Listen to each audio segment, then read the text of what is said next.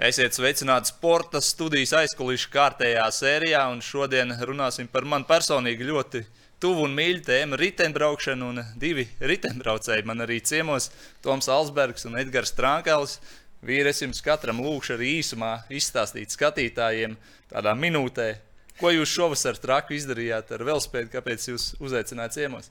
Nu, Tom, sāksim ar tevi, tu tuvāk man. nu, Tas nebija laikam tāds vasaras projekts. Nu, visu vasaru es aktīvi tam gatavojos, trenējos vairāk. jo tagad es nesen, pirms nedēļas, atgriezos no Kirgistānas, kur norisinājās Silk Road Mountain Race, kas skaitās viena no pasaulē uh, grūtākajām uh, velogonkām, nu, jā, pa kalniem ar uh, mountain bikiem. Atgriezos tikko no tās, veiksmīgi uh, piedzīvoju visu to pasākumu, izdzīvoju un eh, nu, arī sanāca eh, īstenot mērķi, pēc kā mēs kā braucām tur. Un, respektīvi, jā, nu, viens no dzīves tādiem lielajiem ķeksīšiem, kad uh, visi uz to grib iet un izmēģināt, un uh, kur nu vēl nezinu, sasniegt kaut kādus iecerētos mērķus uh, kaut kā. Mm -hmm. Edgars, tev arī Traks ceļojums. Jā, man gan šis bija vasaras piedzīvojums. Es tam tieši arī konkrēti gatavojos. Un palielinām pusi, ja ne vairāk vasaras, es pavadīju ceļā no Rucavas līdz Romai ar velosipēdu. Un atlikušo daļu es vienkārši neko nedarīju. Atpūtos mājās no šī visa piedzīvojuma. -hmm. Jā, parunāsim par katru jūsu sākumu. Tomam tas riteņbraukšanas background saucamais, tā, tas pamats ir krietni iespaidīgāks, bet Edgars, es saprotu, ka tu pirms gada, pirms nepilna gada nopirka velospēdu, un tagad no Rūcās līdz Romai aizbrauc. Tas Kā tik ātri tas varēja notikt? Tas bija tā, jā, es izdomāju, nopirku riteni, sāku braukt, noķēru to kaifu tieši braucot. Kāds rodās, eh, ko tu vari iegūt no šīs braukšanas, un eh, sapratu, ka es gribu arvien garāk, garāk aizbraucu divās dienās no, līdz, no Rīgas līdz Rucavai. E, nobraucot 267 km. Man tas iepatikās, tas bija ļoti nepareizi. Domāju, ka man vajag kaut ko vēl nobraukt no Rīgas līdz Liepājai vienā dienā, jo gribēju jau kā, pamēģināt kaut ko vēl trakāku. Atkal viss darīja ļoti nepareizi, bet sapratu, ka es tā, ka to izdarīju un gribu vēl kaut ko trakāku. Un tad lēnu garu nonācu pie tāda, ka es gribu kaut ko ļoti lielu un tādu dzīvē paliekošu tas Rīga liepā, ja tu pēc tam izteicies, ka gandrīz ātrā palīdzība bija jāsaka. Jā, tur bija. arī tur bija tiešām tā, ka es gulēju stundu praktiski nekustīgs, eh, mutē kausēju snikera gabaliņu, jo nokost es viņu nevarēju, norīt es nevarēju. Ūdens bija beidzies, un lai viņi varētu norīt, man vajadzēja viņu šķidru. Un tad saulē kausēju, lai dabūtu kaut kādu enerģiju. Un tiešām bija ļoti, ļoti traki. Man bija plāns, man bija kā līdz telts, kad es varētu palikt vienu nakti, bet man bija mērķis nobraukt vienā dienā, līdz ar to es to atmetu. Zvans draugam arī bija. Mēs vienojāmies, ja es varēšu, tad es braukšu, ja nē, tad es zvanu. Un trešā iespēja bija ātrā palīdzība. Jā. Bet es izturēju, bet nu, pēc tam bija ļoti 3-4 dienas, kad man vajadzēja atjaunoties. Bija grūti. Jauns vēl es. Tik ātri paspēju atjaunoties. bet, jā, un tad es, kad izdomāju uz to Romu braukt, Tas, protams, arī nenotika vienā dienā, tā kā es gribu uz Romu. Teiksim, viss tas, ko es dzīvē biju darījis līdz tam posmam, tas man noved pie šī, šāda izaicinājuma un piedzīvojuma. Bet es sapratu jau uzreiz pēc liepājas brauciena, ka man tas ir. Man tam jāpieiet nopietni, man tam jāgatavojās, jo es negribēju viņu vienkārši tikai braukt un aizbraukt tur pārmocījies bezspēcīgs, bet arī to braucienu izbaudīt. Un, manuprāt, man tas ļoti labi izdevās. Jā. Tom pastāst par sevi. Tu pats saki, ka tev joprojām atpazīst kā fiksīšu karali. Jā, tas ir tas džeks, kas brauc par Igaru fiksīti, minidroma, Red Bull čempions, pasaules rekordists. Tas jau bija kādu laiku iepriekš, vai ne? Tagad tu esi pārmeties uz galiem, garajiem braucieniem. Pirms diviem gadiem Jā, viens pats tas... uz Turciju aizbraucis. Pasak, pastāst, kāda bija tā pārējie no fiksīša, mazai īsākās praktiski gonkas līdz tagad praktiski vienām no garākajām.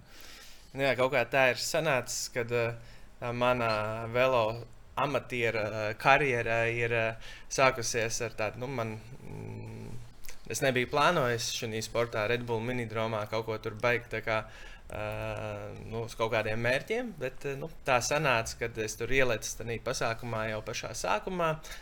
Uzreiz izvirzīju savu ambīcijas, ka jā, es tur gribu pacīnīties un tur pabraukt pa tiem visiem posmiem, kas ļoti veiksmīgi izdevās. Un, Pēc tam man arī kāds nokristīja par fiksīšu karalu, un tas jau nu, būs, man liekas, gandrīz desmit gadi, kad katrā kaut kādā intervijā man vienkārši šo velk eh, līdzi no vēstures. Bet, eh, nu, ir, ir, ir jautri, kad uh, atcerās tādas lietas.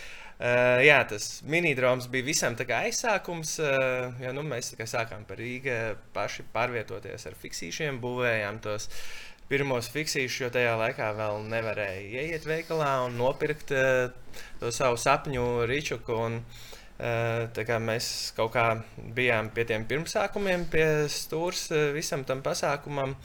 Un, un, un tad uh, man kaut kā es laikam izdzīvoju tos visus minidromus, tad uh, gribējās iet tālāk.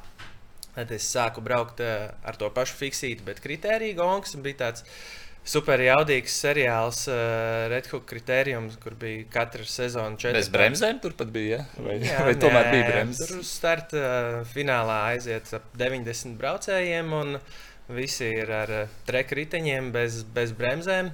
Un, un, un nu, visi ir tā, ka gatavi tur smērēties pa asfaltam, lai tikai nosargātu to savu pozīciju.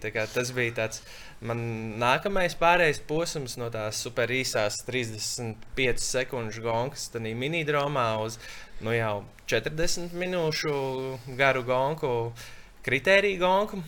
Tur, nu, Redku kritērijums noritēja, kad es tur sāku braukt, un es laikam paspēju četras sezonas izbraukt. Es braucu Spānijas komandā. Uh, Tā kā bija forši pabraukt bišķiņi savādāk eh, ar komandu kopā, kad tev daudz kas ir nodrošināts un uh, ir sponsori un atbalstītāji. Tad izdeja arī šim posmam cauri, kas ir uh, nu, kā neprofesionāli, un es jau nevaru, neesmu nekad saucis par pro sportistu, es esmu amatieris. Un tas viss, ko es daru un darījis, tas ir nu, amatieru sports principā. Bet, uh, nu, ar visu šo, gan eh, Red Bull minidromu, gan Red Bull kritēriju, nu, es esmu izgājis diezgan daudziem tādiem posmiem, caur ko iespējams var piedzīvot tikai esot pro, pro sportistam. Tad, eh, nu, tāds mazie, mazie dzīves eh, sasniegumi, kas kā, ļauj arī to velo gonku nu, baudīt arī nu, no citas puses, kad tev ir ne tikai jācīnās par katru uh, kapeiku, lai tur kaut kur nokļūtu, vai aizbrauktu, vai vispār saorganizētu savu tehniku.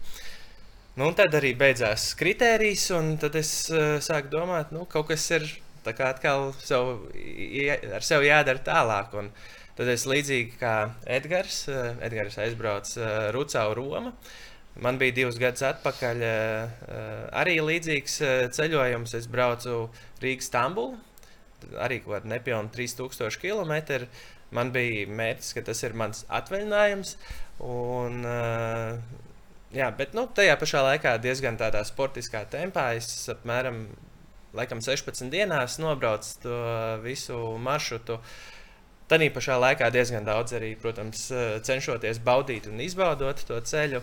Un, un, un tas bija mans aizsākums, lai nu, sāktu nodarboties ar ultra garajām gonkām, eh, sacensībām, jo man tas tieši tā bija mērķis eh, izbraukt savu pirmo pieredzi vispār ar bikepacking somām, un kad tev ritenis ir apkrāmēts un tev ir līdzi visi iedzīvi, ko tev vajag tanī eh, ceļu posmā Rīga, Stambula, un, un, un lai pēc tam es varētu tā kā sevi jau ar pārliecību startēt kādā bikepacking ultragonkā.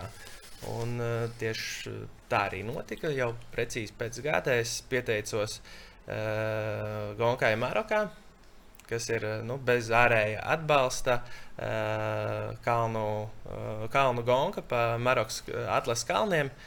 Es gan no sākuma, nu, lai arī kāda man tur tā velo braucēja vēsture būtu un visādi tituli, bet uh, Es pieregistrējos, tāda nopietna reģistrācija, un organizatori katru to braucēju atsevišķi izskata un izvērtē. Un es nemaz netiku. Nu, jo viņa tas arguments bija, ka um, okay, viss ir super, bet tev nav ultra uh, gonku bikepacking tāda pieredze. Un tāda man bija tikai pašam tas atvaļinājuma brauciens Rīgas Stambulā. Tas īsti neskaitījās. Jā. Tas īsti neskaitījās. Nu, es vienkārši paliku tādā waiting listē. Uh, ar domu, ka, nu, ja kāds tur no tie, kas tiek, pēkšņi atsakās vai netiek, Tad um, bija kaut kādi 11 braucēji, kuriem tika dot otru iespēju. Un, un tad es tikai ar to otru iespēju tiku uz šo gonku. Es sapratu, ka man ir sev šajā gonkā jāpierāda, lai es savā CV varu ierakstīt, ka ar mani viss kārtībā, es varu to nobraukt. Un, Nu jā, nobrauc, sanāca ļoti labi.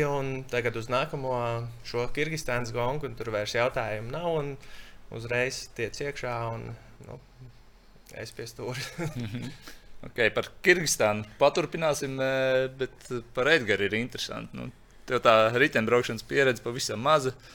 Iepriekš privāti stāstīja, ka tur pirms pāris gadiem Rīgā pie Maksimas nozaga vienu riteni, tad tev riteņbraukšana beidzās.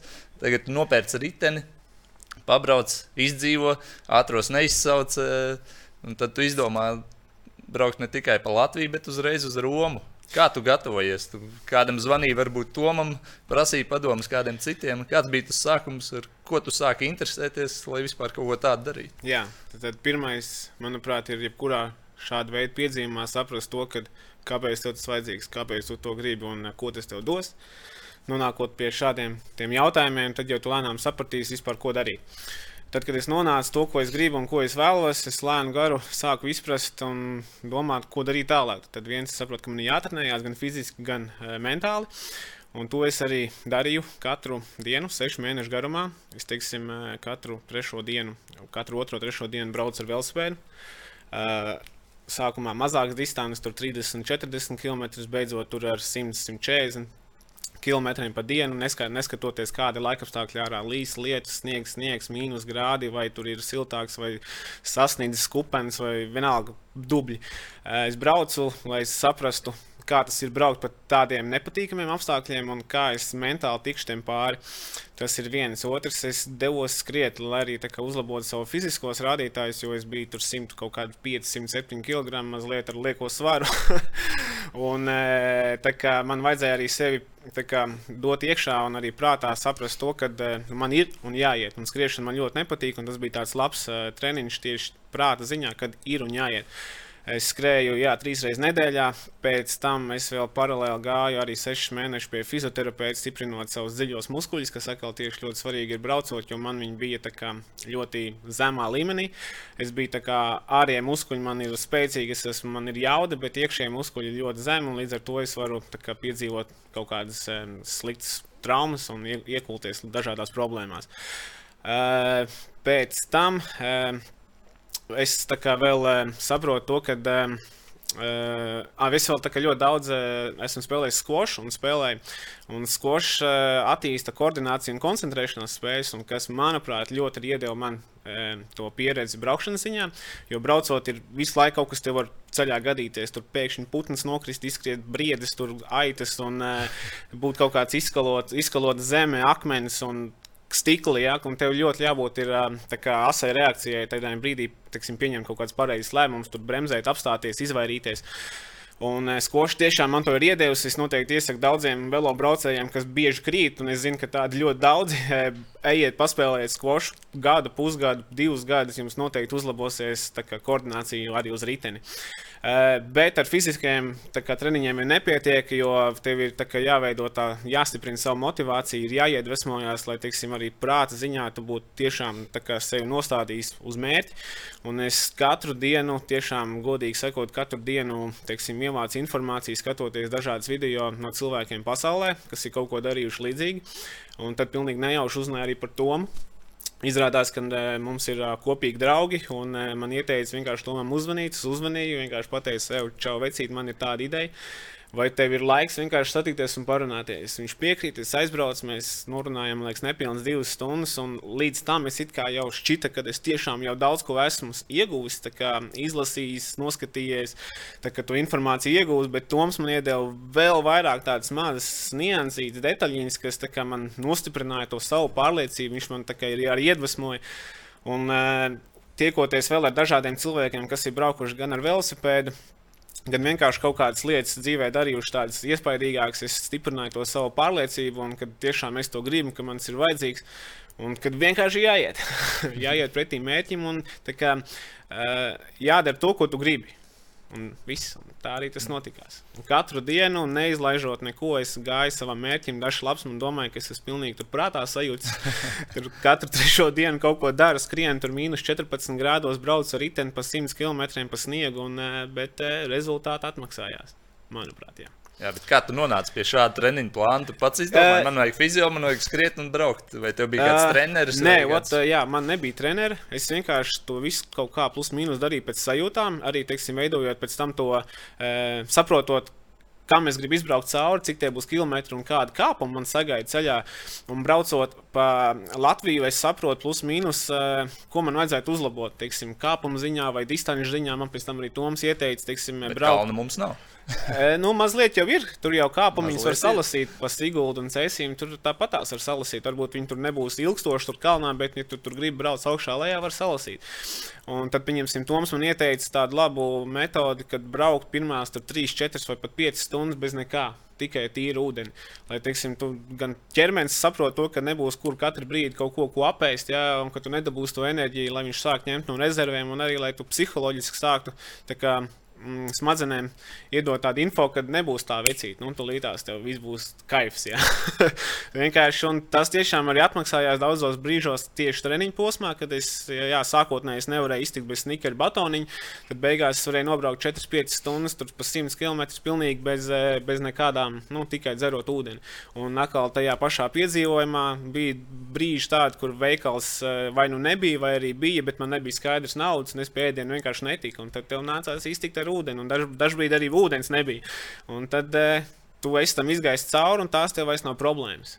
Tas vienkārši kaut kāds sīkumiņš, kam tu tiec pāri. Un tāpēc, ja tu tā saga sagatavojies, tad tas beigās atmaksājās. Un liela daļa, jā, tu minēji, vai man ir, bija daudz, kas kaut ko ieteica, bet uh, treneris man nebija. Uh, man vienīgais, kas bija fizioterapeits, kā treneris, uh, visu pārējo to savu grafiku es liku plus mīnus pats pēc sajūtām, skatoties, ko man vajadzētu uzlabot. -hmm. Jā, to atceries, kā Edgars pie tevis atnāca. Ko tu viņam teici? Tu esi traks vai vai jādara? Skaidrs, ka es atceros ļoti labi. Atceros, eh, un, un, un es arī atceros plus mīnus visu, ko mēs runājām, un kas bija tās lietas, ko es kā, viņam ieteicu, vai redzot viņa riteni vai ekipējumu, nu, kā, pie kā, kā pievērst uzmanību un ko mainīt. Un, uh, nu, zināt, tā kā nepazīst eh, šo džeku vēl, un mēs tur okay, runājam. Uh, es redzu to viņa ambīciju, kad uh, nu, es reāli ar to viss ir kārtībā. Bet uh, nu, tādas pārstāvs tehniskās lietas, uh, nu, it sevišķi Edgara gadījumā, kad reāli gada atpakaļ tikai sākt regulāri braukt ar Ričuku un trenēties. Tad, uh, nu, ir tik daudz tās mazās nianses, ko tu, tu vari googlēt un dzīvot eh, internetā. Un tev liekas, ka tu visu esi eh, jau nu, sapratis un mm -hmm. izdarījis kā vajag. Bet uh, kamēr tu līdz tai pirmajai lielajai pieredzēji nenonāc, uh, nu, pat nevar iedomāties par kaut kādu sīkumu, kas uh, reāli lielu lomu beigās spēlē un, un atvieglo tev tik daudz uh, lietas ceļā. Uh, Un, ja tas tev var atvieglot, eh, un eh, tu pirmkārt jau esi pašpārliecinātāks, nu, kā Edgars arī teica, jā, tev ir eh, arī šī, šī daļa ir jātrenē, mm -hmm. un, un šīs visos formātos, tad, kad aiziet uz super garām distancēm, un tu vēl esi viens, tad nu, tur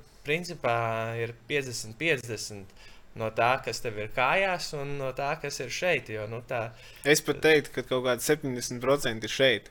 E, sportiskā ziņā iespējams vairāk varbūt vajadzētu arī šeit, jā, bet e, tādām iesācēju līmenī mana. Teiksim, līmeņa braucējiem, man liekas, vairāk ir šeit nekā tur fiziski. Bet tas ir, tas ir tie, tieši tā vienalga. Vai tu brauc šādu tipu ceļojumā, kas ir vienkārši tev atvaļinājums, atpūtas brauciens, uh, vai arī tu brauc sacensībās. Nu, tur aba, abos gadījumos tur tas uh, galvas faktors nenormāli lielu lomu spēlē. Jo es zinu, nu, sev, sev daudz pazīstams džeks, ar ko es iepriekš braucu tos pašus kritērijus mm -hmm. kopā, un kur bija nu, kritērijos top spīcie džeki. Un viņi arī ir mēģinājuši šo pašu Kirgistānu braukt. Nu, neviens nav nobraucis līdz galam. Tur uh, viņiem ar kājām tu reāli apzinājies, ka viss ir kārtībā. Bet, uh, nu, viņi iespējams, varbūt, tas ir viņa mīnus, jo viņi tikai zina, ka viņš ir spēcīgs uh, nāzis, bet, bet uh, kaut kādā ziņā daudz lietas varbūt neizdara to mājas darbu un nesagatavo sevi. Iespējams, tehnika kaut kas līdz galam nav, un, un arī paurītī, un tad, tad nevar man, reāli nobraukt. Man mhm. pat sagatavojoties, es runāju ar dažādiem velo braucējiem, kas brauc sacensībās gan pa Latviju, gan pa ārzemēm, pa kalniem, bet tāds vienas dienas braucienos. Uh, man pat tie minēja, ka viņi diez vai varētu nobraukt šīs 30 vai 40 dienas ar vienu mērķi un katru dienu braukt. Ka, iespējams, viņš fiziski to varētu izdarīt, bet varbūt mentāli viņš vienkārši tam nav gatavs vai vienkārši mm. spējīgs. Jā, kā, vēl ko es gribēju pieminēt par to, ka. Uh, Uh, jā, kad es, tā kā Toms arī minēja, ka tu vari izlasīt visu un liekas, ka tu visu zini, man tiešām tā arī šķita, ka es jau, nu, jau esmu gatavs aiziet pie Toma. Un tad, kad tev tiešām ir dzīves cilvēks priekšā, nu, tiešām dzīves, re, ka viņš sēž un viņš to ir darījis, viņš to ir izdarījis, ja, tad tu saproti, ka wow, vēl, tas ir daudz nu, iespaidīgāk un noderīgāk nekā tur kaut kur googlē lasot, ka kaut ko kāds ir sarakstījis. Un tāpēc es varu ieteikt jebkuram, kam kaut kas dzīvē kaut ko grib. Nebaidieties, vienkārši atrodiet kaut kādu lietu tevi un ņemiet, zvaniet. Un tie cilvēki satiksies, nebaidieties, ja arī atteiksmi, atradīsiet citus. Vienkārši tā pieredze ir klātienē pavisam cita, ko tu uzņem. Jā.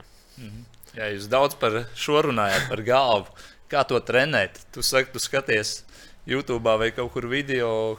Kā jūs abi mentāli sev esat gatavojuši? Ja tu pat saki, ka tie kriteriji braucēji vienkārši netiek līdz galam, kaut gan fiziski viņi to var izdarīt. Nu, acīm redzot, kā Edgars teica, vairāk par 50% ir galvā.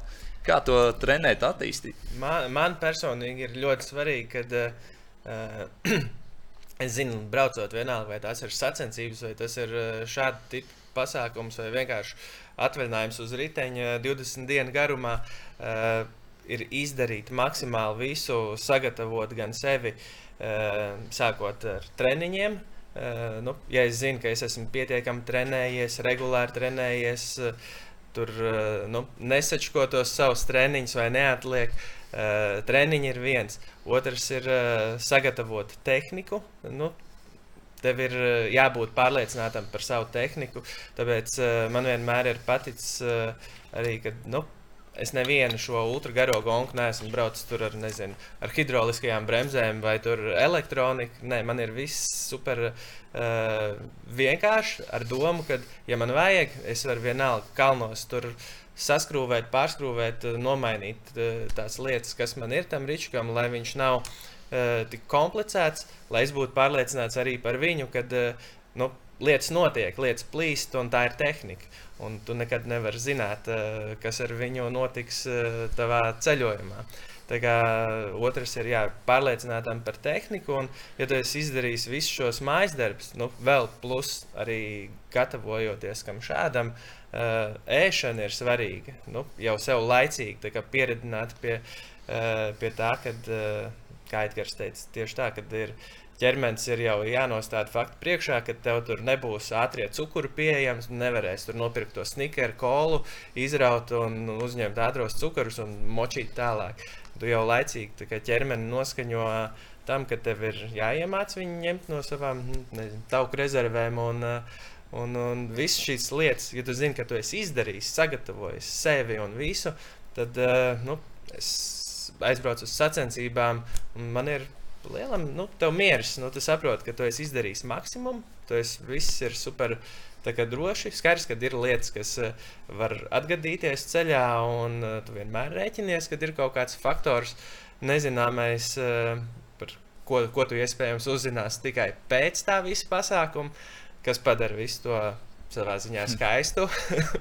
Tas ir mans svarīgie visi šie punkti, kad es esmu izdarījis visus mājas darbus, un man ir paurītī miers, un tad, eh, tad vienkārši tu sāc braukt un, eh, un principā baudi. Jā, ir grūtāki, vieglāki brīži jebkurā pasākumā, bet uh, tu vari paralēli baudīt vienalga, cik tas skarbi vai grūti ir tajā brīdī. Un mm -hmm.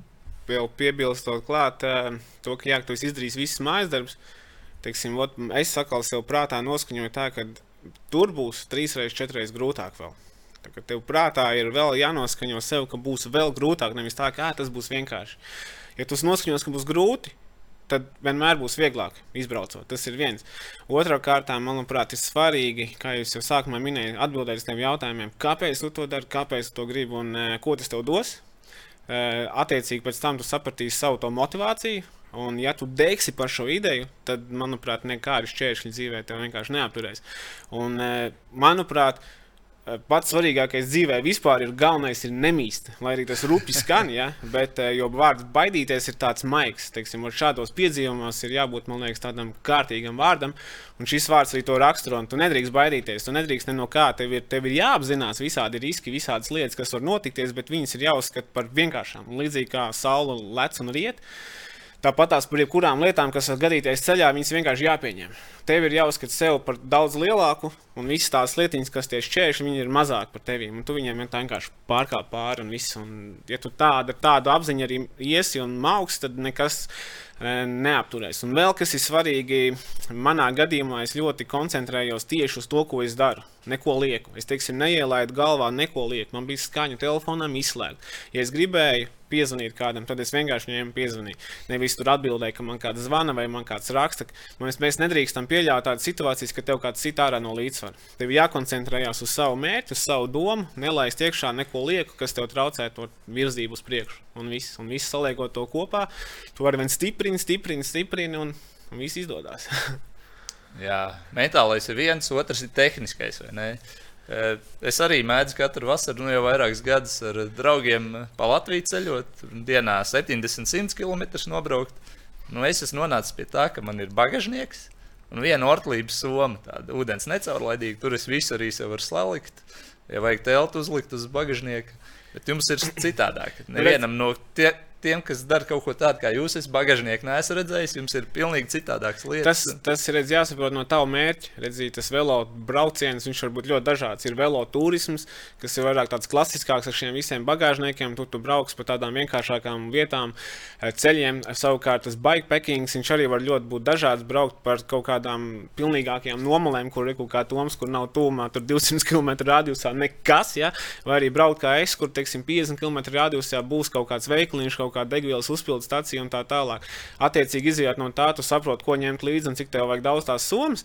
Un, eh, un vēl, teiksim, tas somu izvietojums ir mazliet citādāks, jā, kā klasiski veloturismā, lai tu varētu braukt eh, pa nu, neparastākām vietām, tur dažādām šaurām taciņām, pa kalnu nogāzītēm, pa cauri mežiem. Varbūt tās tev viņš pat vienkārši ir jānes kaut kur pār upēm, pār kokiem un tā tālāk. Un līdz ar to tu, tu paliec manuprāt spējīgāks ar šo, ar šo izkārtojumu, velospēds paliek vieglāks un mans ir mazāks. Līdz ar to jā, tas piedzīvojums ir daudz interesantāks, varētu tā nosaukt. Es sapratu, tev svēra 40 kg. Man, man bija kopā, 40, jā? jā, jo man bija, mans mērķis arī bija to iemūžināt. Man bija dažādas kameriņas, līdzi tur baterijas un visādi vādi, un tie sastādīja kaut kādu diezgan lielu daļu to svaru. Tā kā, ja tā nebūtu, tad man līdzi bija patiešām praktiski viss minimums, jo tas bikepacking, manuprāt, vispār ir tāda māksla zināt to, bez, bez kā tu varēsi iztikt vairākas dienas pēc kārtas. Un, e, kā, liekas, ka tev vajadzēs tur apenis un tur rezerves maiciņu, vēl kaut kāda patiesībā viņi tev tur nostāvtais somā, viņi tu vispār neizvelc ārā. Jā, un ir tik daudz tās lietas, kas mums šķiet būtiski svarīgas, bet patiesībā viņas ir kļuvušas kaut kāda ieraduma dēļ. Un, e, ja mēs tos visus atmetam no un domājam tiešām loģiski, ko mums vajadzēs, tad tās lietas ir ļoti mazas, kas ir mm. vajadzīgas līdzi. Jā, tev, Toms, saprot, Turcijā bija 31 apmēram kilograms kopā. Ja? Kaut kas pirmajā laik, garajā. Laik, laikam, jā, kaut kas ap 30 bija. Un, un, nu, tur vienmēr īstenībā, tad, kad ir pirms starta viņi nosver. Tad, nu, kā tu saliec visu, ko tev vajag, guļamais, telts vai bīvī, vai, un uh, viss, kas tev ir vajadzīgs. Un tad pēdējo, ja tev ir vēl vieta, tu saliec nu, batoniņus, ēdienus, tur kaut kādas visas ēdienas, jā, kas nu, būs tavs rezerves ceļā, jo nu, tu nekad nezini. Nu, pēc cik kilometriem vai būs, vispār? vai vispār būs. Labi, šīs sacensībās mēs, mēs apmēram zinām, jo mums organizators iedod to uh, listi, kur ir uh, sākot ar kontrolpunktiem, ar uh, kaut kādiem miestiem, pilsētām. Uh, un kur ir arī atzīmēta. Tur būs uh, veikals, vai tur būs veikals, uh, ēdnīca, vai tur būs uh, tikai ēdnīca. Tā, tev ir apmēram kaut kāds tas priekšstats, ka pēc 100, 200 km vai 50 km kaut kas būs, un tu kā rēķinies. Jo nu, bieži vien ārā ir kaut kādi 30 pāri grādi. Un, un tie paši ūdeņi, kas ir nu, pirmā nepieciešamība šādā pasākumā. Tu vismaz vari plānot, vai tu tam kalnam pārvedīs trīs litrus, vai tev pietiks ar uh, to litru pudelīti. Un, uh, Visi tie smagumi, kā, jā. nu, vienmēr uh, tas ekstra svars pašā beigās, pirms gongs pienāk tieši no ēdiena. Jo tu kā, pieliec to uh, dro, dro, drošības uh, kaut kādu pakāpienu klāt, kad, uh, kad uh, nu, lai tu pats atkal jūties droši, kad ja kas man, man ir. Man lai ir tu līdz, zini, ka ir variants. Jā, jā Tagad uz Kirgistānu svēra bija kaut kas ap 26 kg. Nu, kas arī ir vēl salīdzinoši pat daudz.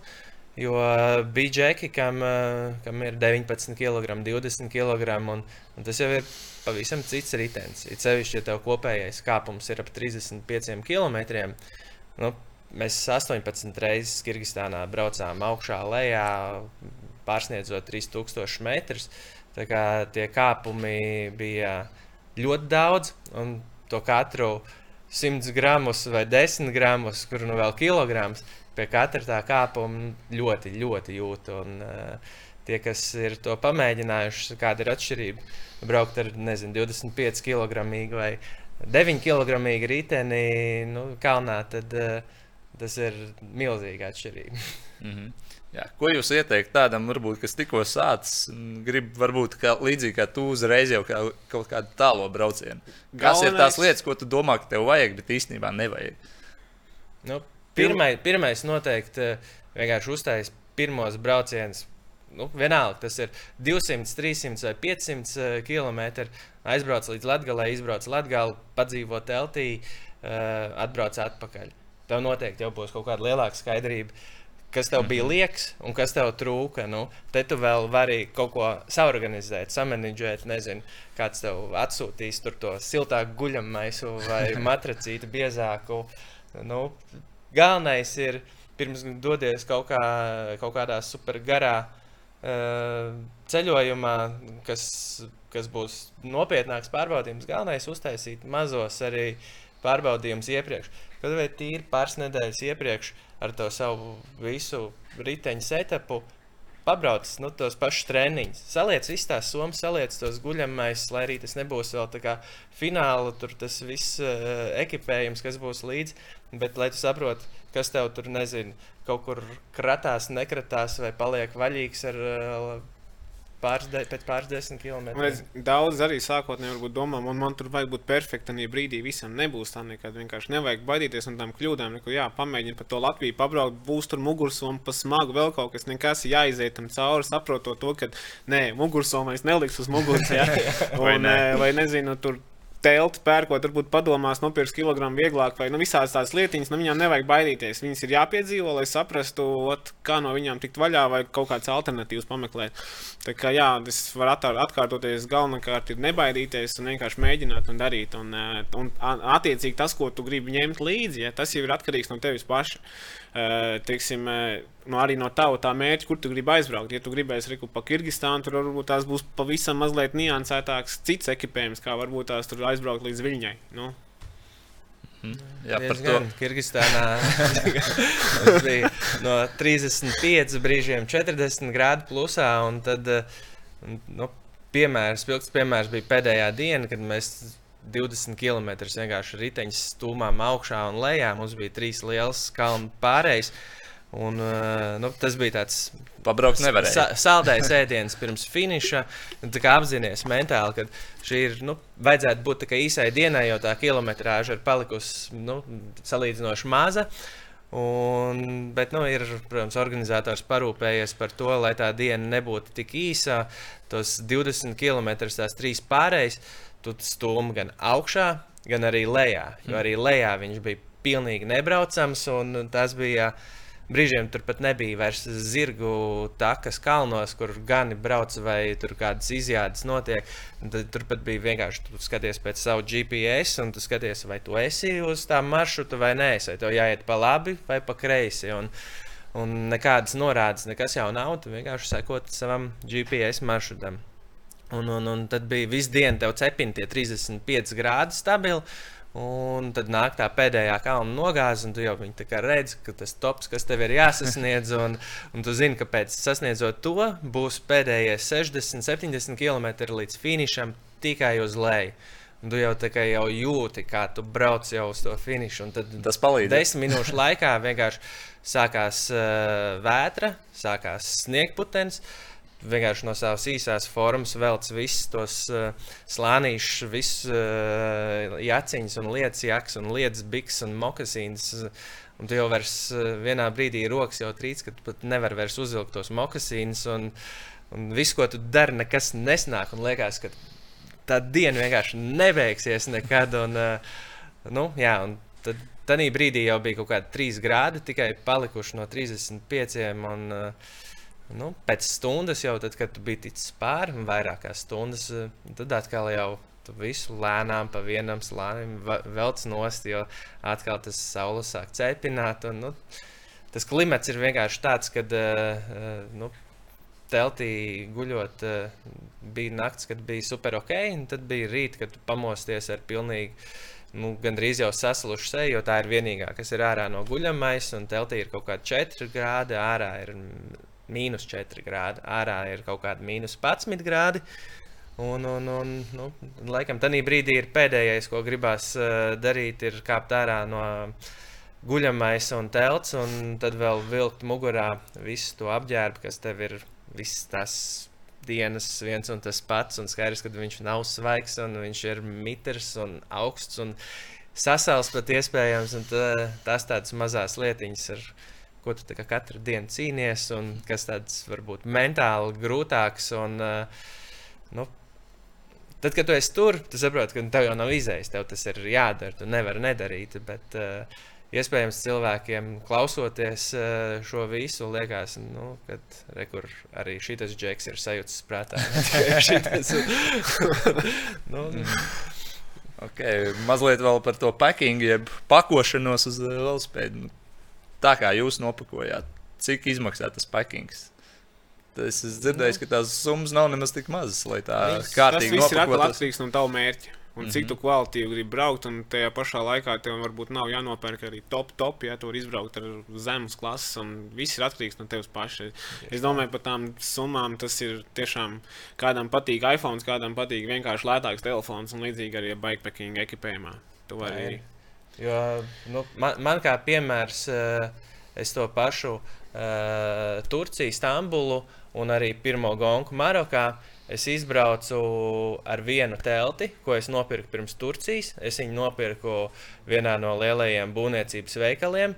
Tā telts maksāja 18 eiro. Es viņu vienkārši impregnēju ar, ar, ar, ar nu, impregnēju, ja, ja nu uznāk lietas vai kas. Un, un man divus vienkārši super garus uh, pasākumus. Uh, šādas telpas vienkārši kalpoja superīgi. Es viņu Marokā pirms, uh, nu, jā, es biju sasniedzis pēdējo checkpointu, un es sapratu, ka visi es eju uz finišu. Es viņu atstāju vienā miestā ganiņiem. Do, nu, viņi tur dzīvo kalnos, kāds dzīvo tur lielā teltī, kāds dzīvo mazās teltīs. Es viņus reāli atstāju vietējiem. Un, un, un ja es zināju, ka nu, ok, man tas ir kilograms, eh, man tas ir liekas kilograms, ko man vairs nevajag. Tā telts ir pārdzīvojusi vairāk nekā viņai dzīvē. Man liekas, vajadzētu pārdzīvot. Viņa saprot, ka okay, viņa var palikt arī šeit. Un, un skaidrs, ka ar šādu tipu telties, to pašu Kirgistānu, tur nebija opcijas. Tas nav variants uh, vispār, bet uh, nu, nevienmēr ir vajadzīgs tas super high-end un super dārgais variants. Uh, Jo viņa gala rezultātā tā telts man svē, svēra, nu, tik cik svēra arī mums šī telts, kas mums bija Kirgistānā. Bet, nu, labi, te bija bijuši citi tehniskie parametri. Tā kā, nu, tu vienmēr vari arī noteikti atrast uh, alternatīvas. alternatīvas un par jēdzīgām cenām. Uh, un, un, un nevienmēr vajag lekt pāri Varbūt ir jāsāk ar to mazumiņu. Protams, tad jā. jau var likt klāt pēc tam, kad saproti, nu, kas ir vajadzīgs. Skaidrs, ka tu uz vienu lietu vari, vari iekonomēt, vari atļauties iekonomēt, bet nu, skaidrs, ka būs arī kaut kādas lietas, ko nu, šādā pasākumā viņi maksā tik un. Nu, Nevajadzētu pirkt kaut kādu lētāku alternatīvu. Kurš jo, ir nu, tas lietas, tev... varbūt, kur nevajadzētu ekonomēt? Nu, vienalga, tie varētu būt uh, velosipēdi rati vai riepas. Uh, nu, tu negribētu Tas pats sēdeklis savus, varbūt. tas pats sēdeklis, jā, tu negribētu tos. Tu esi nobraucis tūkstotis kilometrus, sapratis, ka uh, tu esi uzbēris visu savu sēžu vietu un uh, tagad domā, ko darīt. Dēļ tā, ka tu varbūt uh, nu, izvēlējies nepiemērot krēslu vai. Nu, jā, tas uh, ir lietas, kam jāiziet cauri. Nu, ja tu nenožēlo par savu izvēli un viss ir bijis kārtībā, tad super. Tā arī mm -hmm. var turpināt.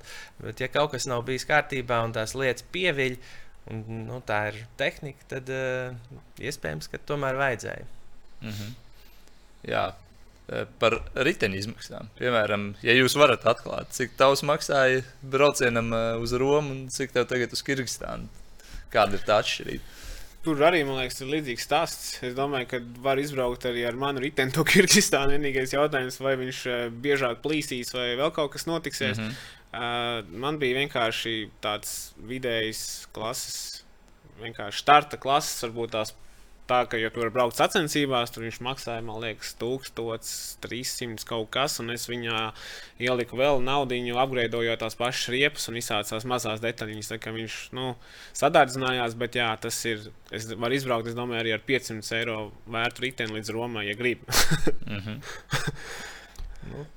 Jā, man par tām izmaksām laikam būtu uh, grūti arī komentēt, jo nu, šis ritenis, viņu, es viņu jau Viņš būvēju. salikts, jā. Viņš ir salikts, es viņu saliku uz savu Marokas uh, gonku. Tagad es viņu skaidrs tur pārbūvēju. Es uz, uzliku citus ratus, tur uh, citas stūres nomainīju. Nu, tādas nianses, ko es nomainīju, es arī tur apgleznojos bišķiņu uz, uh, uz to savu dināmo rumbu, kas ir viena no nu, tādām tehniski jaudīgākajām dināmo rumbu, ko izmanto nu, praktiski visi arī. Uh, ja, eh, spēcīgākie džeki, kas eh, šajā industrijā spēlē uh, lielu lomu. Un, un, un, un, un, nu, tās kopējās ir skaidrs, ka viņas salasās un viņas ir diezgan, nu, tūkstoši beigās tur saskrien. Bet, uh, nu, Man šobrīd ir grūti pateikt kaut kādu konkrētu sapratu. Un, un, un, jo, nu, skaidrs, ka uh, tas lietas. Uh, Nu, viņas var izvēlēties dārgāku un blakus plauktiņu, bišķiņu lētāku vienmēr. Un, un nevienmēr tieši tādu vajag to dārgāko, un tas nebūs tā, ka tas būs Ir īpaši sākumā. Piemēram, at- tas ar, ar draugu, ko es aizbraucu tajā pirmajā reizē no Rīgas uz Rucavai, viņš vispār izvilka no šķūņa septiņus gadus vecu riteni, piepumpēja riepas, viņš tur grabēja, krabēja un tāpat Bet aizbrauc. tika un aizbrauc. Jā. Tā kā galvenais ir gribēt un viss. Nu, pārējais, tu jau laiku augot tavam līmenim, augsts arī ekipējums. Un, eh, Tieši tā, tu, tev ir jāiziet cauri tam basicam, tam tajā apakšā, tad tu saproti, kad, nu, kad, eh, kas ir īsts sūds un kas nav sūds. Tad uh, tu kā paņem to nākošo līmeni. Jau, nu, nezinu, skaidrs, ka tagad, piemēram, skatoties uz kaut kādu savu Stambulas braucienu, tur riteņa setup, nu, es, uh, nu, ir daudz lietas, uh, ko es tagad nesaprotu, kāpēc es tajā laikā darīju tā. Bet, uh, Bet tam bija jāiziet cauri, Tam bija jāiziet cauri. Tas tāpat strādāja, un viss uh, bija super uh, gala rezultātā. Un, bet uh, nu, tagad vienkārši ar šī brīža pieredzi tu zini, ka uh, nu, ir lietas, ko tu vairs vienkārši nedarītu. Tā, jo nu, tev tai pieredzei ir jābūt, un, un tā pieredze jau īstenībā ir tā, kas tev liek uh, beigās pirkt to. Nu, Izvēlēties, no kuras plauktiņa pirkt attiecīgās detaļas, accessorus vai vienalga ko. Un, Mhm.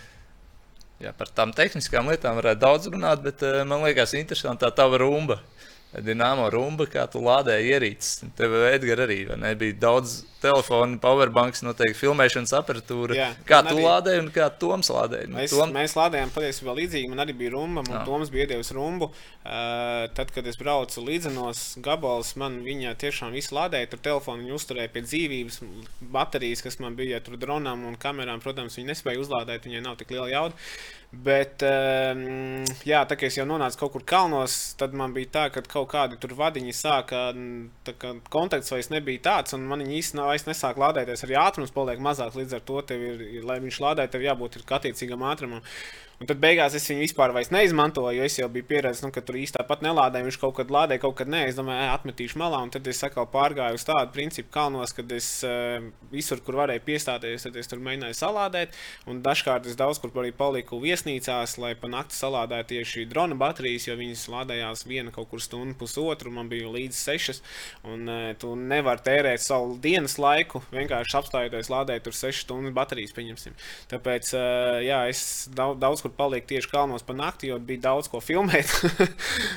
un tas bija tas mans, sakal, tas, tā kā es sevi apbalvoju ar tādu filmēšanu, ar šiem skatiem. Tas ir man tāds um, dzīvesveids, un tāpēc man nācās patērēt kaut kur jā, viesnīcās laiku lādējot. Mm -hmm. Jā, mums uh, bišķiņi ir uh, atšķirīgs tie. Uh, Somijas saturs, ja Edgars ir pilns ar kamerām, tad man uh, šajā gadījumā man bija tikai mans telefons. Uh, kas kalpo kā telefons. Un, protams, eh, braucot cik var, nu, focē, filmē eh, lietas, bet eh, nu, šī rumba, viņa, viņa pirmkārt man uztur pie katra diena. Es uzlādēju savu velodatoru, kur ir navigācija, kas mūs ved uz visam maršrutam cauri un uz finišu. Tas ir Pirmkārt, otrkārt, ja man vajag, tad uh, reizes dienā vai ik pa divām dienām es palādēju savu telefonu, jo nu, gribās iemūžināt tomēr vismaz kaut ko. Uh, un, un, un uh, tad, kad es neko nelādēju, parasti uh, nu, jā, vakarā, tad uh, šī rumba vienkārši ģenerē enerģiju manai lampai, jo mēs diezgan daudz braucām pa, uh, pa dienas tumšo uh, daļu. Jā, kad, uh, Nu, bieži vien mēs tikai ap pusnakti uh, finišējam un ceļam telti vai meklējam vietu, kur celt. Un, kā, nu, naktī tā ir uh, vienkārši viņi tev nodrošina enerģiju tavai super jaudīgajai priekšējai lampai. Bez kuras nu, šādu formātu, tu, ejot uz rezultātu, nevar, nav opcija braukt bez tādas. Un uh, pa dienu es pielādēju visus savus gadgetus. Man it kā bija arī līdzi uh, powerbanks uh, ar, nu, kā, kā rezerves ritenis. Ja, ja, ja nu man vajag pēkšņi vai nu naktī, tad, kad mm. lampa man ir vajadzīga, vajag lādēt, nezinu, es aizmirsu uzlādēt to savu datoru, kur ir navigācija. Vai, nu, Bet beigās es viņu, principā, es vienu dienu pieslēdzu, nedaudz telefonu palādēju, bet uh, tas bija tikai tāpēc, ka es apzinos, ka nāk jau finišs, un es viņu neesmu izmantojis. Tagad īstenībā es varu pielādēt, beig, beidzot, varbūt pilnu telefonu un miers un mm. neuztraukties par viņu. Tā, kā, tā rumba ir. Uh, jā, viņa, viņa ir papildus tāds brīvības elements. Jo... Viņa strādā laikam no kāda ātruma. 13 jā, km stundā. Tas ir atkarīgs arī pēc ražotāja. Uh, ir vai nu, nu sākot no 11 km/h, un viņa arī tur pie deviņiem kaut ko lādē, bet nu, viņai nav tāds uh, vienmērīgs, tas, uh, vienmērīgi tā strāva, ko uh, izdarīt. Tāpēc, principā, jā, visiem ir kaut kāds tas ieteicamais. Uh, ātrums, pie kura viņa kārtīgi, nu, kā, normāli rozetē lādēt uh, tavs viss iekārtas ierīces. Un, nu, tā ir baigā, baigā brīvība uh, šāda tipa pasākumos, jo nu, tas vienkārši tev padara super neatkarīgu.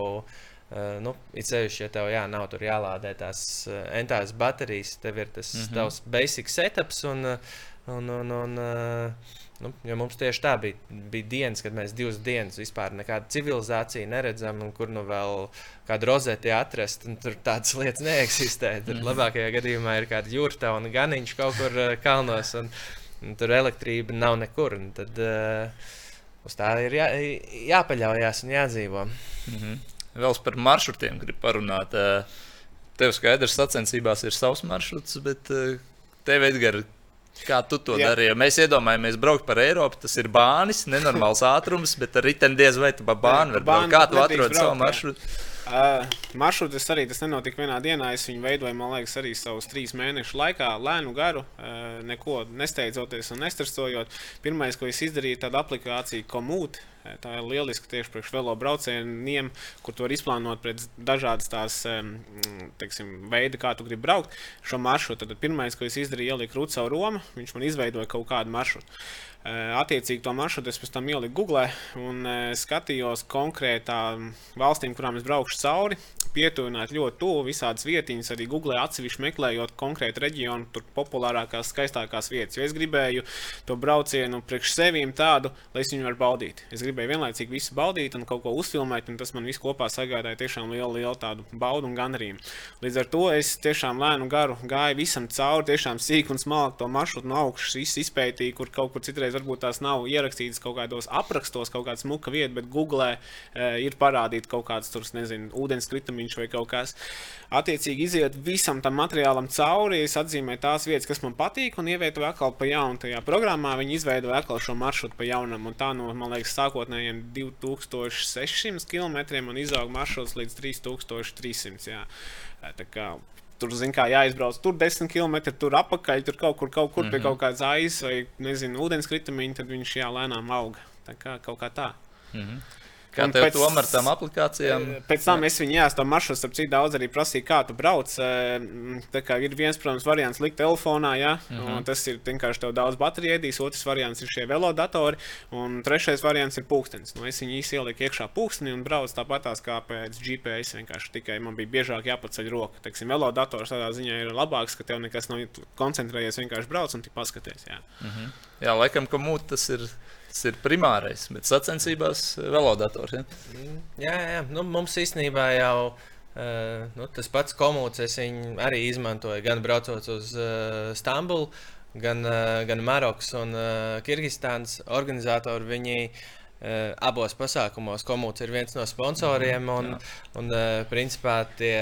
Uh, tie faili, maršruti, ko mēs dabūjam pirms gongas, viņi ir taisīti caur arī komūtu. Un, tā ir viena no aplikācijām, kuru es arī pilnīgi noteikti iesaku.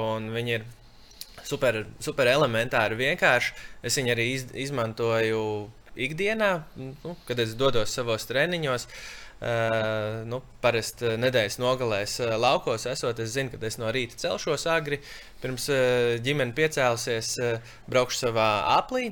Uh, es iepriekšējā vakarā jau ielienot gultā, atveru telefonā komūtu Es, nu, man tas jau prasa kaut kāds tikai desmit minūtes. Es ātri uztaisu mazo maršrutu, jo man vienmēr ir plāns. Uh, meklēt ceļus, kur es neesmu braucis, lai ir nu, visu laiku kaut kas jauns un interesants. Mm -hmm. Es vienmēr ielieku kaut kādu vai nu mazu miestu, pagastu, uh, nu, kā stūrakmeni, kad šeit es neesmu bijis. Es viņu ielieku tādā komūtā, un, un tad attiecīgi pēc tā uzbūvēju to savu aplīti, uh, kur es izbraukšu. Un tad tu izvēlējies, tur arī var izvēlēties, vai nu tu gribi pasvaltu, vai tu gribi pa granti. Tu vari izvēlēties MTB, un tad var sagaidīt, ka tev arī vedīs pa kaut kādām super mazām takām, un bieži vien varbūt pa takām, kuras vairāk pat īsti nav takas. Tad varbūt būs jāstumj tas ritenis. Kā, ja tu gribi vairāk kaut ko tādu jau ekstrēmu, tad zini, labāk uzliec MTB, un tad uh, būs, būs piedzīvojumi. Man noteikti. šādi gadījās pēdējā izbraucienā, kad mēs ar draugu uzlikām komūti, es bez nekā braucu un brauksim pa zaļo dzelzceļu. Tur pie Masalātas Jā. Sākums ideāls. Za, zaļais dzelzceļš, koks apkārt, tas sliedz kādreiz gājušas, un, viss, un tad pēkšņi tas beidzās un ir mežs. Man te pilnīgi neizbraucam dubļi domājam, bišķi iztumsimies cauri un aizbrauksim. Tā mēs tur trīs stundas stūmāmies pa dubļiem, bet nu, piedzīvojums ideāls. tā kā ir jāuzmanās. Man bija tieši arī kalnos, es veidoju to maršrutu. Man bija, es braucu caur Austriju, tāds High Alpine Road ceļš, viņš ir ļoti, ļoti skaists. Eh, Pasvaldu tur smuki vienā pusē var pa tādu ielai nobraukt. Un es nobraucu, un es gribēju, es, es tur braucu ar mašīnu, tāpēc es caur arī caur to komūtē pētīju, ka tur var tur iet kaut kā tā kā pārgājienu taciņu caur mm -hmm. otru ielais pusi. Es domāju, nu jāmauc pa turieni. nu, tur bija tā, ka tur bija vienkārši ritenis jānes un jāstum, jo tur tā bija tiešām pārgājiena tā, ka tur pat pabraukt vienkārši varēja divus metrus ik pa 50 metriem, un tur vienkārši viss bija dubļos, akmeņos, kokos. Bet piedzīvojums bija atkal labs, atkal tīri mentāli, atkal, ka tu tam tiec pāri, jā, un vari. Un tas tas lietas, ko vienmēr visi atcerās. Visi jā, tas stundas labāk, no, kad novirzies no tā ceļa vai maršruta, tad tas ir reāli beigās, ko tu atceries. Tāpēc tāpēc viena no šīm lietām vienkārši nevajag baidīties. Jo tas vienmēr paliks atmiņā. Vienalga, cik tas skarbi tajā brīdī varbūt neliktos, bet uh, Mm. Vajag. Tieši tā. Okay, mums jau drīz ir jābeidz, bet uh, par katru jūsu ceļojumu, kā ceļojumu, tom tev ir cepurīte un vēl kaut kas, vai ne? Pastāst par Kirgistānu īsumā. Kas bija trakākais un cik labi jums beigās gāja? Jo tu kopā ar Jānu Viškeru braucām. Jā, mēs, uh, mēs ar Jānu Viškeru braucām kopā. Uh, mēs jau abi bijām Marokā. Mēs Marokā braucām katrs solo, nu, solo disciplīnā. Un, uh, mums abiem ļoti labi gāja. Un uh, pēc Marokas vienkārši uh, nu, skaidrs, ka man tas. Uh, Es meklēju kaut kādus nākamos tos uh, soļus, ko es uh, gribu šajā lauciņā piepildīt, īstenot. Un, nu, tas silkrauts, uh, lai arī tu apzinājies, ka tā ir viena no grūtākajām gonkām, nu, viņš ir kā, nu, manā scenārijā, nu, nezinu, ja tas nebūtu bijis šogad, tad visticamāk, nākošais gads vai aiznākošais gads es noteikti tur aizbrauktu. Un Jānis atkal jau ir bijis Silkraudā un Kirgistānas šajā gonkā. Un viņam ir pieredze jau. Viņam patiesībā ir diezgan liela pieredze arī šāda tipa gonkām jau iepriekš, sākot ar uh, transkontinentālu uh, gonku. Un, nu, daudz, daudz ir. Mm -hmm. Kā man bija Jānis, varbūt bišķiņi jāpapušo un uh, jāpielauž uz šo pasākumu, jo izbraucot uh, Kirgistānu, nu, nevienmēr visi ir gatavi doties atkal tur un mesties iekšā, jo tas ir nu, tāds uh, diezgan trekns ķeksīts, ko tu dzīvē sev piespiedu un izdari. Bet uh, es Jānim piedāvāju nu, šo ideju, ka uh, vecīt vienkārši braucam pārklasē un uh, braucam pēc pirmās vietas. Tā kā jau startā mums ir mērķis, kad mēs braucam uh, uzvarēt, uh, jo nu, ir diezgan grūti uh, pāriem atrast sev otru līdzvērtīgu uh, pārinieku, kas, uh, ar ko jums saskan uh, gan kājās, gan arī šeit. Mēs abi nu, diezgan līdzīgi kalibra braucēji, tā es nosauktu. Un, uh, Un tad mēs principā jau no pagājušā gada decembra ļoti intensīvi ik pa pāris dienām braucam kopējos treniņos, tepat pa Latviju. Nu, jā, daudz par mums uh, varbūt tur, Kirgistānā, citu braucēju pēc gongas, nu, tur runājot. Prasa, kā tad jūs tur gatavojaties un tā, un jums tur noteikti kalnu Latvijā. Un tad stāstīt, jā, ka mums ir gaiziņš 311 metri, un, un mēs principā braucam pa pānu. Un, uh, bet kaut kā Nu, te laikam arī ir tas viens no tiem pierādījumiem, ka tur viss uh, ir šeit. Šeit mm -hmm. ir mhm. lielāka tā sacensība un tas izšķirošais faktors. Mēs bijām pietiekami labi sagatavojušies. Uh, skaidrs, ka bija kaut kādas lietas, par ko mēs uh, ceļā cīnījāmies. Šoreiz tā bija vairāk veselība un vēdera problēmas. Abiem diviem uz pārmaiņām, viens un otrs. Bet nu, tā ir tāda globāla uh, dalībnieku, sacensību dalībnieku problēma vispār tajā reģionā. Ja, iespējams, pie vainas tas, tas vietējais ēdiens, kas ir diezgan trekns. Eh, bet, eh, nu, zināt, tad, kad tu divus trīs dienas bieži vien es dzīvoju tikai uz kaut kādiem batoniņiem un lietām, kas tev ir somās līdzi. Tad tu nonāc jurtā, kur tev ir vienkārši galdiņa klājies, pilnīgi viss, un ir siltais ēdiens, un tev atnes to silto zupu un uh, tāds foršs buļļons, bet tur tā viņa tā jaudīgā gaļa, un tad ir visādi tie mantīji, un kur arī ir tā gaļa. Un es domāju, ka manā scenārijā nu, tas bija tā gaļa, kas tā vienmēr tev ir nu, visu to apgriež kājām gaisā. Un, nu, mēs diezgan daudz jā, dabūjām pacīnīties ar, ar, šo, ar šo problēmu. Bija dienas, kad bija pilnīgs bezspēks, kad vai nu Jānis gulēja kaut kur pie kaut kādas krūmiņos, pie klints, un es kā, tur gaidu viņu, un arī otrādi. Jo nu, bija reizes, kad vienkārši nevar pabraukt. Un, uh, jā, bet uh, beigās mēs visu kā, izcīnījām līdz galam. Uh, Viņu dabūjām vienīgais, ko pēc šī eh, visi uzvarētāji tiek pie cepurītes, kur ir rakstīts, jā, tur ir silkrauts un pirmā vieta pāri klasē. Mēs, mēs atbraucām pēc uh, desmit dienām. 13 stundām un 45 minūtēm. Uh, jā, šeit ir Cik kilometri? Atgādini. 1800 kaut kas ar astīti. Mm. -hmm. nu, Gan drīz 1900 un jā, ar kopējo kāpumu 35 km. Un, eh, kā mēs esam super laimīgi, kad eh, mums izdevās to savu mērķi sasniegt un īstenot. Kas tagad tālāk būs? Nu, pagaidām nav nejausmas, jo nu, es joprojām jūtu, ir divas nedēļas jau gandrīz kopš mēs esam finišējuši. Bet, uh, Man ķermenim vēl vajag uh, recovery un atpūtu. Jā, noteikti vajag. Un, uh, tad, kad viss šis nomierināsies, tad Bet turpinājums būs, vai ne? Gan jau. Gan jau. Okay, Edgars, beigās tu, Jā. tas tev noteikti ka katru dienu bija desmit piedzīvojumi, tāds Man bija kopā, kopsavilkums. kopā bija 3222 km.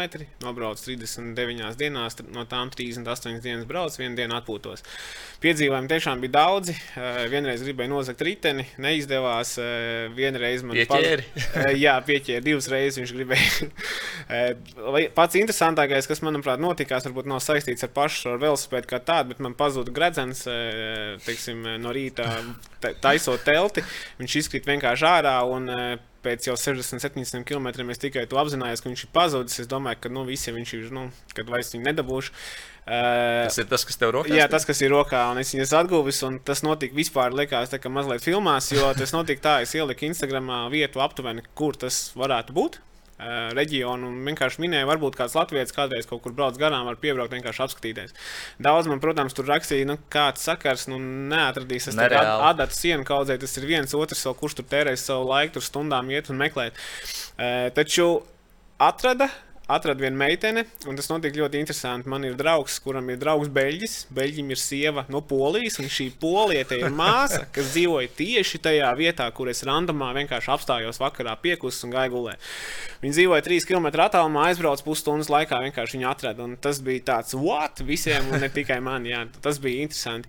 Katrā ziņā viss piedzīvojums kā tāds, tas bija, manuprāt, pats labākais vispār dzīvē, kas maniem ir noticis, neapšaubāmi. Es pat tiešām baudīju katru dienu, katru grūto brīdi, un vēl jau vairāk pēc katriem grūtajiem brīžiem nāk kaut kas foršs, nāk kaut kāds skaisti skati, patīkamās, tie, patīkamais tas nogurums, un viss tas, ko tu tur piedzīvo, tas vienkārši te uzlādē, un šobrīd es esmu atbraucis, manuprāt, pilnīgi cits cilvēks ar citām emocijām, ar, citām, ar citu skatu vienkārši uz dzīvi. Un, eh, tas man ir tiešām iedevis dzīvē ļoti, ļoti daudz. Un trijos vārdos - laime ir kustībā. Jā, kā es saku, paliec uz velo. Tas ir mans sauklis. Eh, katru dienu braucot ar velo. Jūs zināt, ka paliksiet uz velo, un to mēs arī novēlam skatītājiem. Palieciet uz velo un tiekamies nākamajās sporta studijas aizkulisēs.